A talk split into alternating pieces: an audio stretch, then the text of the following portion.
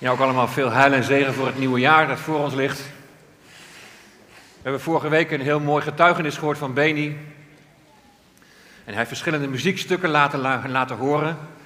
Om daarmee duidelijk te maken dat God op verschillende manieren tot mensen spreekt. Hij heeft op een bijzondere manier tot Beni gesproken, ook door visioenen.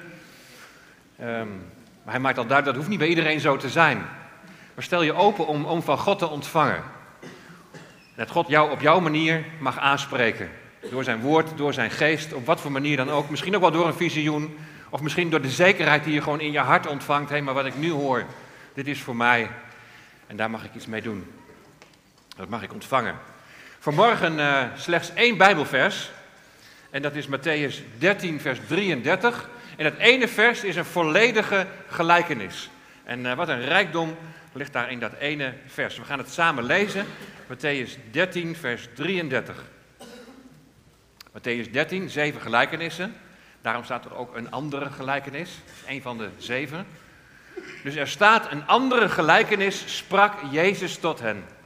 Het koninkrijk der hemelen is gelijk aan zuurdeeg, dat een vrouw nam en in drie maten meel verborg, totdat het helemaal doorzuurd was.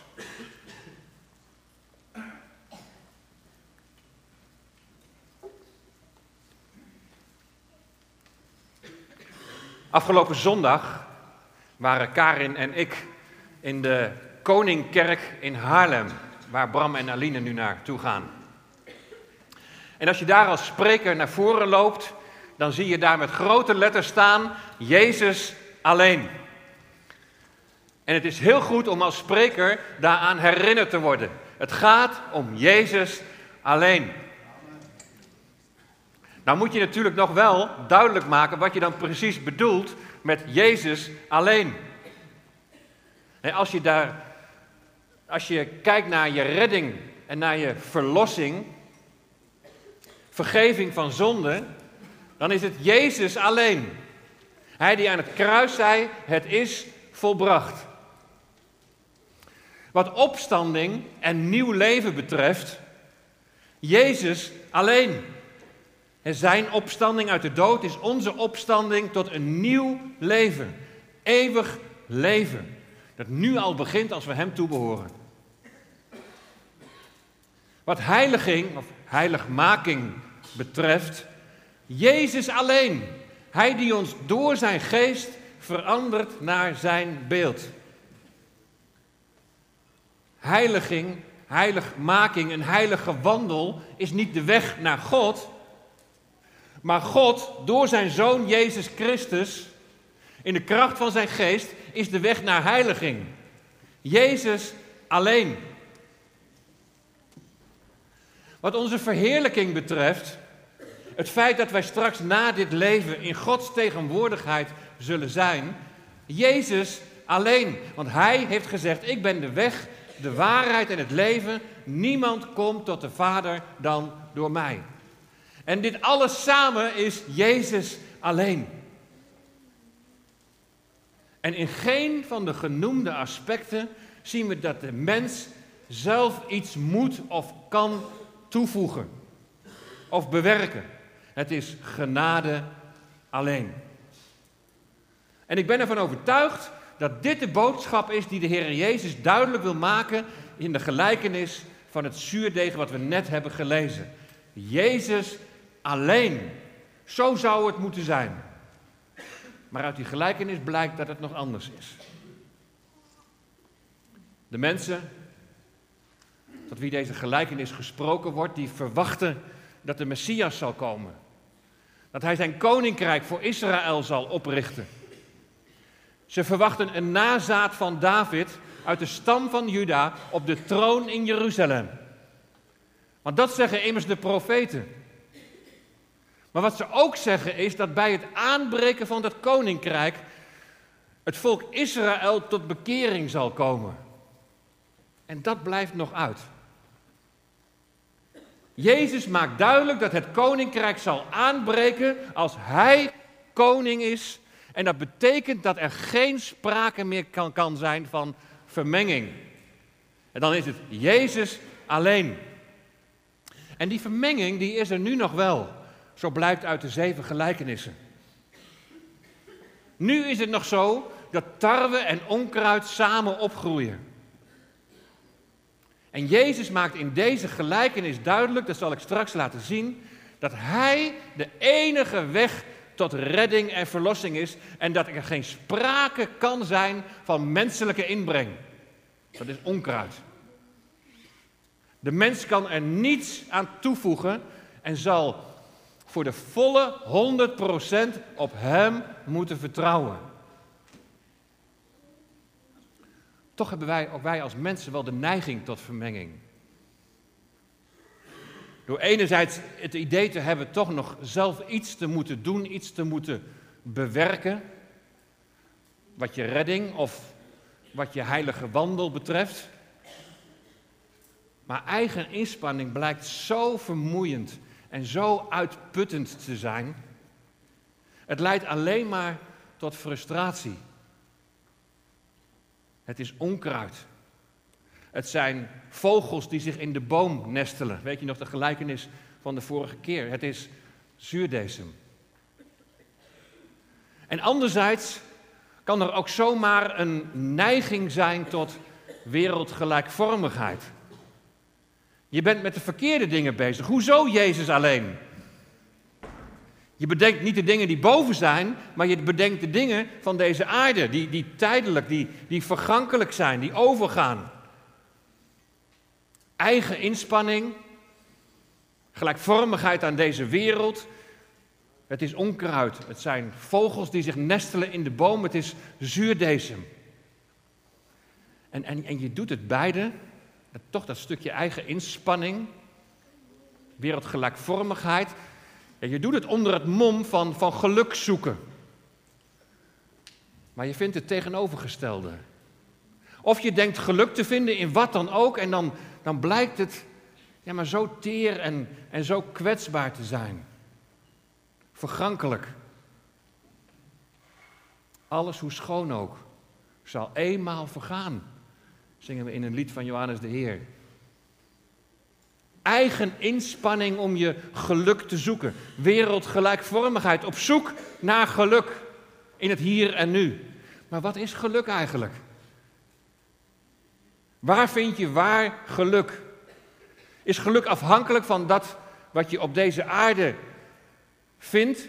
Dat je voor de wind gaat, dat je goed gaat, is dat geluk? Hebben jullie de toespraak gehoord van onze koning op eerste kerstdag? Of misschien wel even nagelezen. Koning Willem-Alexander, die zei in zijn kersttoespraak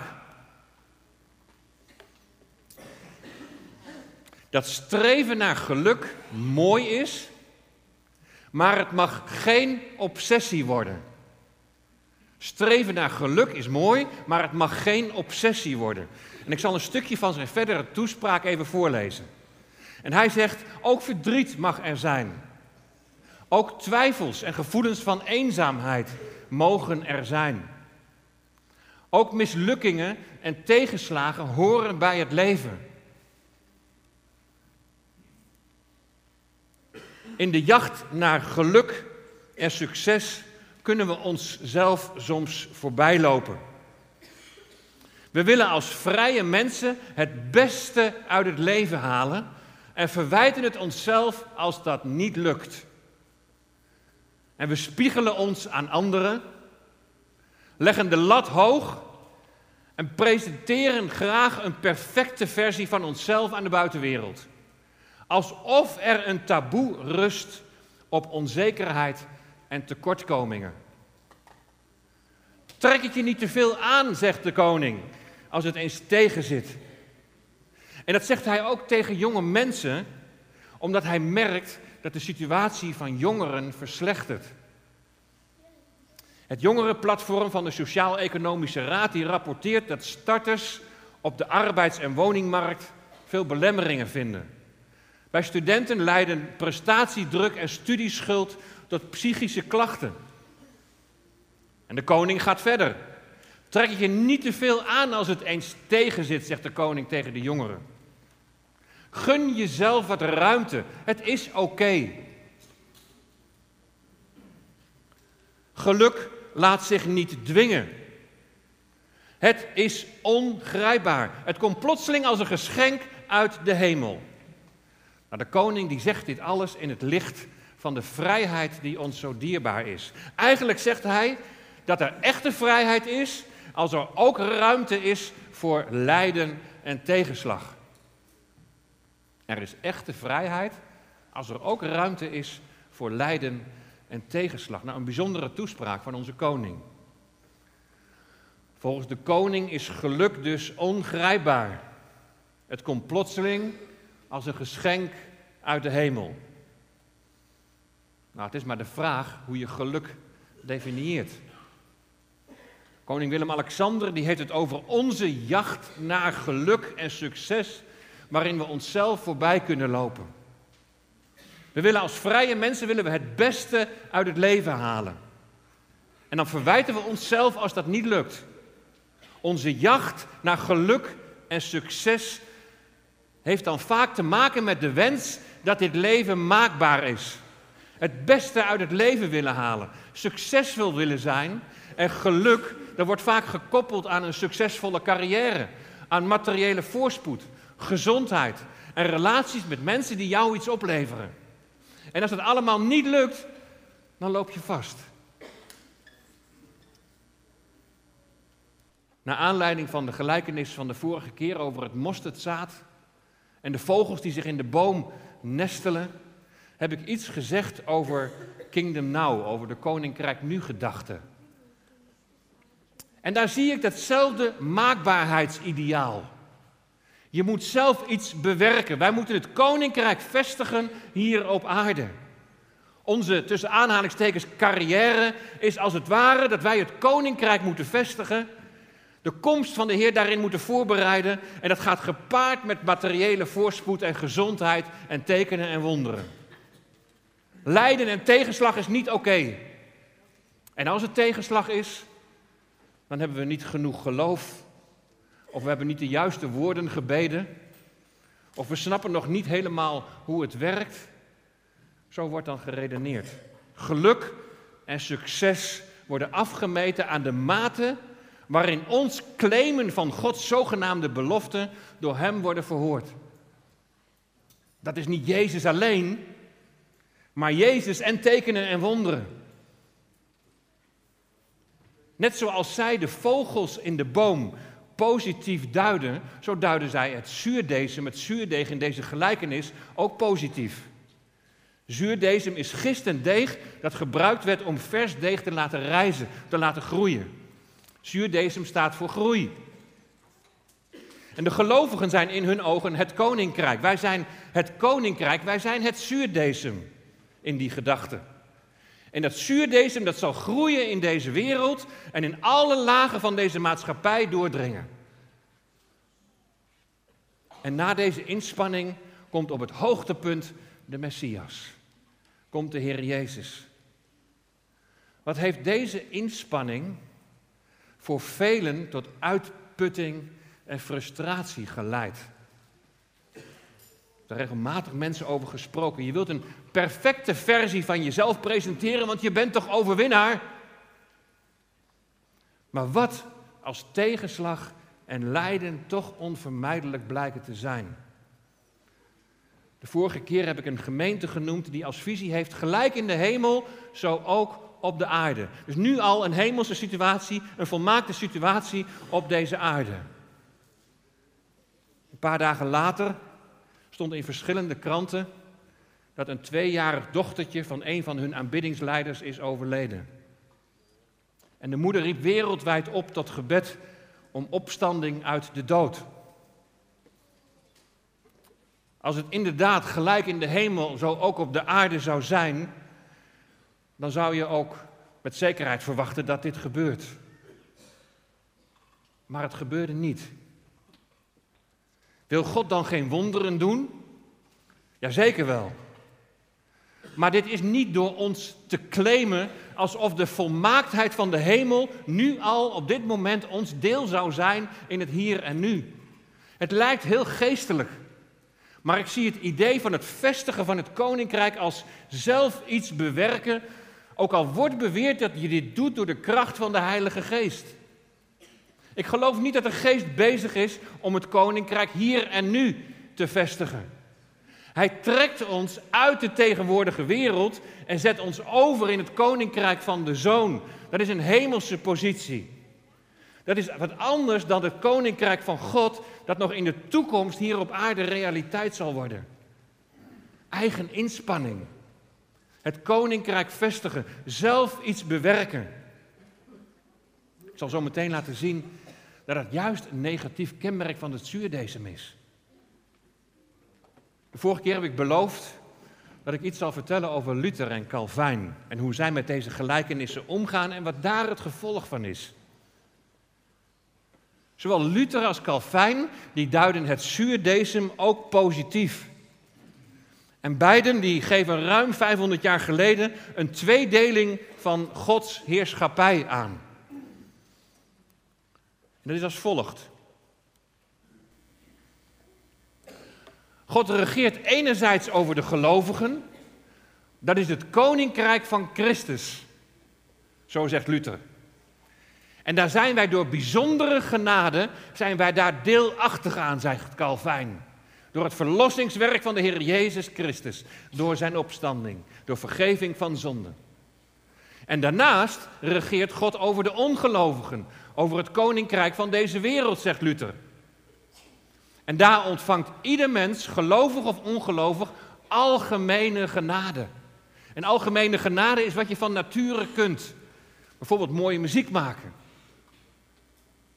Op deze manier, door deze tweedeling, worden kerk en staat worden gescheiden. Kerk en geloof dienen zich te beperken tot het geestelijk leven van haar leden. Punt. Maar hoe werkt dat nou in de praktijk uit? Ik heb al vaker gezegd, je visie op het koninkrijk heeft grote gevolgen voor hoe je de rest van de Bijbel uitlegt, maar ook hoe je in het leven staat en hoe je met God wandelt.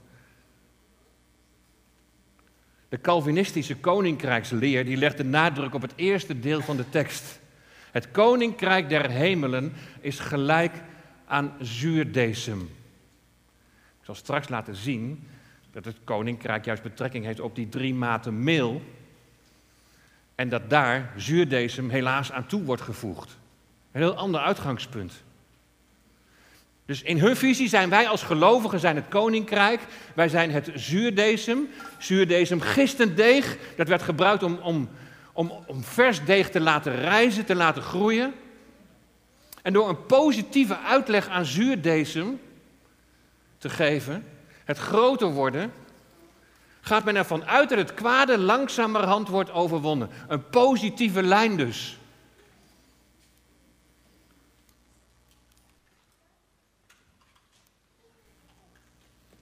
De Calvinistische gedachte van de kerk is dat de kerk het zogenaamde bruggenhoofd van de koning is, van waaruit de kerkelijke troepen het, het hele rijk dat nu nog onder vijandelijk beheer is, gaan bezetten. Deze wereld is onder beheer van de Satan, hij is de overste van deze wereld en de kerk is het zuurdeeg dat overal binnendringt. Het zuurdeeg is volgens hun dus de kerk dat in plaats van Israël is gekomen en dat is dan het bruggenhoofd. En de genietroepen die leggen in no time een brug over het water. En vervolgens dringen de infanterietroepen binnen om het land te bezetten. Het doel in die Calvinistische koninkrijksleer is dan dat wij Jezus' levensorde, dus zijn manier van leven, steeds meer gestalte gaan geven in de wereld. In de hoop dat dit als een zuurdesem mag doorwerken in de maatschappij, opdat in het koninkrijk van de wereld het koninkrijk van Christus doorbreekt. Maar dit is voortzetting van eeuwenlang rooms-katholiek denken. Toen ik in de jaren tachtig met Karin meeging naar de kerk, toen bestond categorisatie uit het bezoeken van maatschappelijke instellingen. De Bijbel ging niet open. In die tijd had je de interkerkelijke vredesbeweging. Ik heb in het begin, als ongelovige jongen, kwam ik in de kerk. Ik heb alleen maar preken gehoord over de wapenwetloop, over neutronenbommen, over vredesbewegingen. Weet je, het is prima om maatschappelijk betrokken te zijn, Ook belangrijk en je stem te laten horen tegen meer en meer en meer bewapening. Maar het resultaat toen was meer en meer wereldgelijkvormigheid. Werelds denken en vrijzinnigheid in de kerk. Ik heb de naam van Jezus nauwelijks gehoord.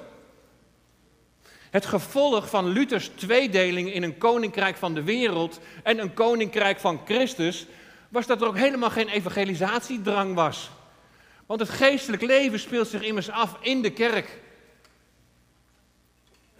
De nadruk naar de wereld lag op het tonen van goede werken, in de hoop dat de mensen dit op zouden volgen, die levensorde van de Heer Jezus, opdat op die manier Gods koninkrijk zou doorbreken. Prettige bijkom, bijkomstigheid was dan dat de overheid niet zou vervolgen. Daarom bewuste aansturing op scheiding van kerk en staat. De drie maten meel zijn dan in de Calvinistische uitleg en dan de rest van het Rijk, de wereld, die te zijner tijd geheel doorzuurd zal worden met Jezus' levensorde. En dan op het hoogtepunt zal de koning weerkomen en zal de hele aarde voor hem buigen. Zie je de overeenkomst met Kingdom Now? Een opgaande lijn, het koninkrijk breidt uit en op het hoogtepunt is dan de wederkomst van de Heer Jezus. Maar kun je dit zuurdeeg wel positief duiden? Als je een vergelijking maakt met andere Bijbelgedeelten waar ook zuurdeeg wordt genoemd. En wat is dan de betekenis van die drie maten meel? Voor de eerste hoorder zal het direct duidelijk zijn geweest, want er, er volgt helemaal geen uitleg. Maar wij moeten daarvoor op zoek in Gods woord. Kan het woord zuurdesem of, of zuurdeeg wel positief worden geduid? Wat is de betekenis in andere Bijbelgedeelten? Je moet toch woord met woord vergelijken?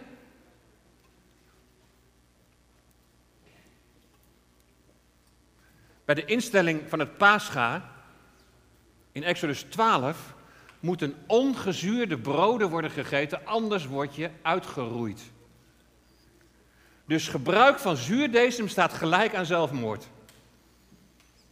In Leviticus 2, bij het spijsoffer, daar mag geen zuurdesem worden gebruikt. Dus zuurdesem moet in beide gevallen, bij het paascha en bij het spijsoffer, moet worden vermeden. Het heeft een negatieve duiding. Tevens komt zuurdesem in overdrachtelijke zin voor. In Matthäus 16, daar staat zuurdesem voor de huigelachtige gezindheid en leer van de fariseeën. Negatief. In 1 Korinthe 5 is het zuurdesem is ontucht. Ontucht dat in de gemeente wordt gepleegd en waar niet tegen wordt opgetreden. Negatief. Zuurdesem staat aan beeld voor de zonde. In Galaten 5 staat zuurdesem voor het toevoegen van gerechtigheid verwachten van de wet. En dat je door het houden van de wet behoudenis verwacht.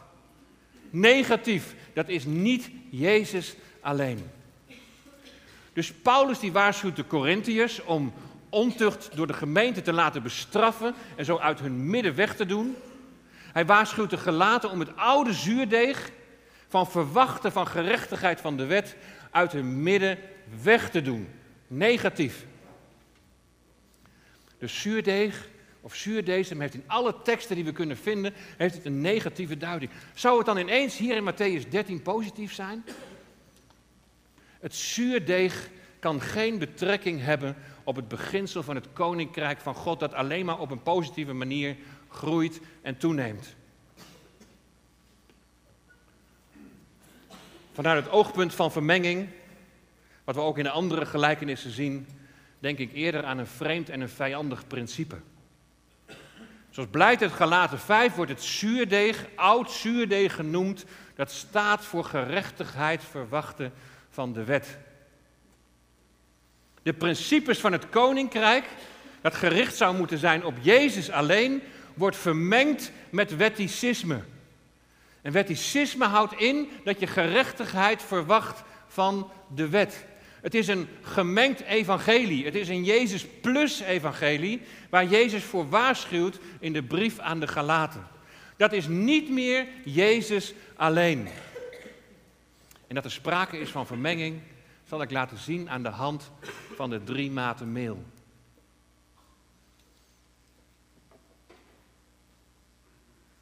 Het koninkrijk der hemelen is gelijk aan zuurdeeg dat een vrouw nam en in drie maten meel verborg totdat het helemaal doorzuurd was. De vrouw nam drie maten meel. Dat is de hoeveelheid die God ingesteld had voor het spijsoffer dat op zijn altaar moest komen. Het spijsoffer moest altijd uit drie maten fijn meel bestaan. Drie maten fijn meel is in de Bijbel één eva. En ik heb net al gezegd in het rijtje voorbeelden over het zuurdeeg in Leviticus 2, dat dit niet mag worden toegevoegd, dat zuurdeeg, aan dat spijsoffer. Nou, wat heeft God in het Oude Testament ingesteld omtrent dat spijsoffer? Let goed op, want als je dat verstaat, dan zul je deze gelijkenis ook begrijpen. Dit spijsoffer moest niet alleen bestaan uit drie maten meel, maar daar mocht ook absoluut geen zuurdesem in komen. Wel moest het met olie overgoten worden, waarbij een weinig zout moest worden toegevoegd. Olie, het beeld van de Heilige Geest. En, en zout is het beeld van het bederfwerende. De vrouw die doet hier iets wat ze niet mag. Ze deed het stiekem en, en niemand mocht het zien. Ze verborg het zuurdeeg in het spijsoffer van God. Zuurdesem. Toch nog iets van eigen inspanning, zelf iets toevoegen. En niet voor de volle 100% op Jezus vertrouwen. Zuurdesem toch nog iets van de zonde tolereren de zonde niet weren, maar toestaan dat het zich als een ziekte verspreidt door het lichaam. Wat is nu de betekenis van het spijsoffer? Nou, de hele offerdienst in het Oude Testament, het brengen van alle verschillende offers, is een schaduwbeeld van het waarachtige offer dat gebracht zal worden. Alle offers wijzen heen naar Hem die het ultieme offer zal brengen. Alle offers wijzen naar de Heer Jezus Christus, zo ook het spijsoffer. Het spijsoffer zonder zuurdesem spreekt van het reine mens zijn en het zuivere leven van de Heer Jezus Christus. Hij die rein is, zonder smet, zonder zonde, zonder zuurdeeg. Dat is het eerste. Hij is het volmaakte offer. Daarnaast werd het spijsoffer overgoten met olie. En de Heer Jezus is in figuurlijke zin overgoten met olie toen de Heilige Geest in de gedaante van een duif op hem kwam. En hij gezalfd werd met Gods geest. En als derde, er werd een weinig zout toegevoegd. Hij is het die bederfwerend is. In hem blijf je bewaard voor onreinheid.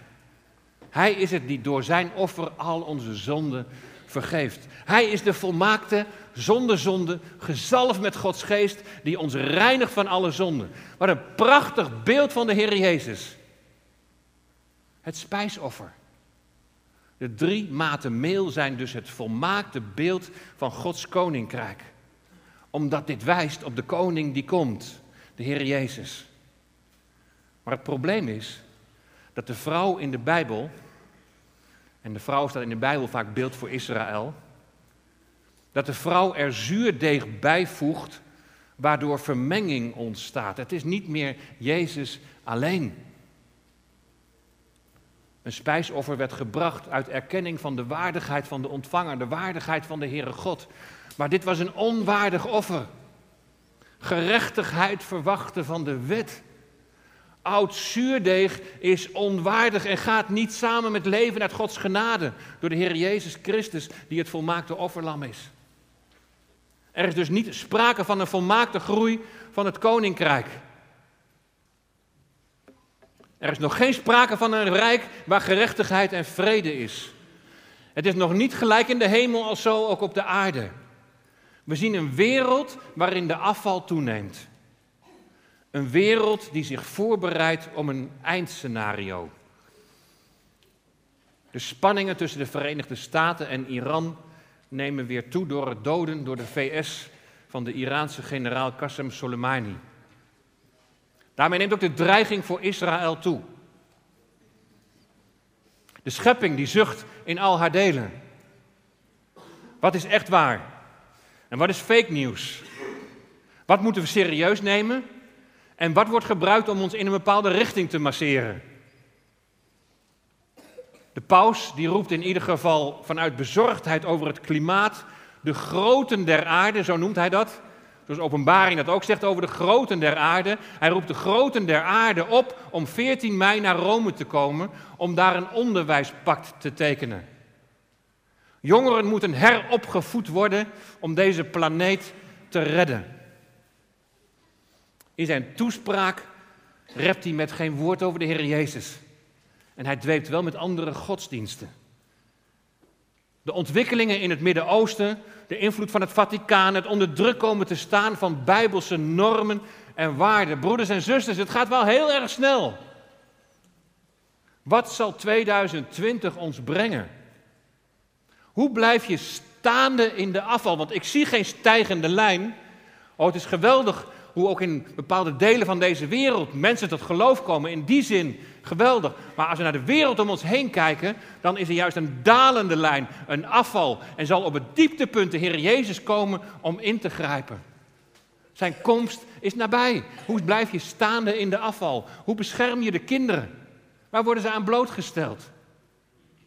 Als je zo naar het podium van deze wereld loopt, dan laat God ons het volgende zien. Jezus alleen. Vertrouw Hem en vestig je hoop op Hem. Wandel en leef in Hem. Volgens Willem-Alexander is geluk ongrijpbaar. Het komt als een geschenk uit de hemel. Maar dat laatste ben ik met hem eens. Het komt als een geschenk uit de hemel. Maar geluk is niet ongrijpbaar. Want geluk is een persoon. Wat geluk is, dat hebben we gezien in Matthäus 5 bij de zaligsprekingen. Zalig zijn zij, gelukkig zijn zij. En we komen steeds weer uit bij Jezus alleen. Jammer dat onze koning het slechts vaag heeft over een geschenk uit de hemel en niet benoemt dat dit geschenk het kind in Bethlehem is, de zoon van God. Geluk vind je als jij je geluk, je vreugde vindt in Jezus Christus. En dat is zeer zeker grijpbaar. Als jij in de greep van de Heer Jezus wilt zijn. Als jij je volledig aan Hem wilt toevertrouwen en het van Hem wilt verwachten, ook in dit komende jaar. Jezus alleen. Ik hoef niet het koninkrijk te vestigen. Mijn geloof is niet afhankelijk van resultaat in de zin van voorspoed of gezondheid, tekenen en wonderen. Dat betekent niet dat er geen evangelisatiedrang is. Ik wil getuigen van de hoop die in mij is. En ook velen met mij. In deze wereld mogen we laten zien en horen dat onze hoop en ons vertrouwen op de Heer Jezus Christus is. Jezus alleen. En moet je dan niet maatschappelijk betrokken zijn? Moet je onrecht dan niet aan de kaak stellen? Bidden we niet meer voor herstel bij ziekte? Jazeker. Maar niet onder een ondergezonde druk van garanties en zeker zijn van resultaat. Bid dat je de werken mag doen die de Heer voor jou heeft voorbereid. Tegen de stroom in dikwijls. Staande blijvend in de afval. En dat is niet pessimistisch, maar dat is realistisch. Wandel daarin, verkondig het evangelie. En als er dan lijden en tegenslag is, dan is dat onderdeel van ons bestaan en inherent aan de gebrokenheid van de schepping waarin wij leven. Maar in dat lijden zien wij op Jezus. Wij houden onze ogen op Hem gericht. Voor 2020, het jaar dat voor ons ligt. Jezus alleen. Een goede vriend van ons is oudejaarsdag overleden, 53 jaar geworden. Twee jonge kindjes nog. Over tegenslag gesproken. Maar hij had één tekst op zijn kaart staan in het Engels. En daar staat: When I die, give me Jesus. Wanneer ik sterf, Geef mij Jezus. Jezus en Jezus alleen. Hou dat vast. Vestig je hoop op Hem. Amen.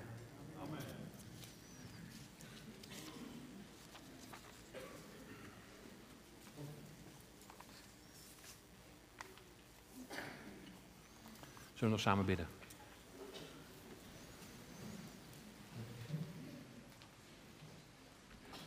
Liefdevolle Vader, we komen tot u om u te danken. We danken u voor uw Zoon die u gezonden hebt. We danken u voor de Heilige Geest die in onze harten is uitgestort. We danken u voor ons leven met u.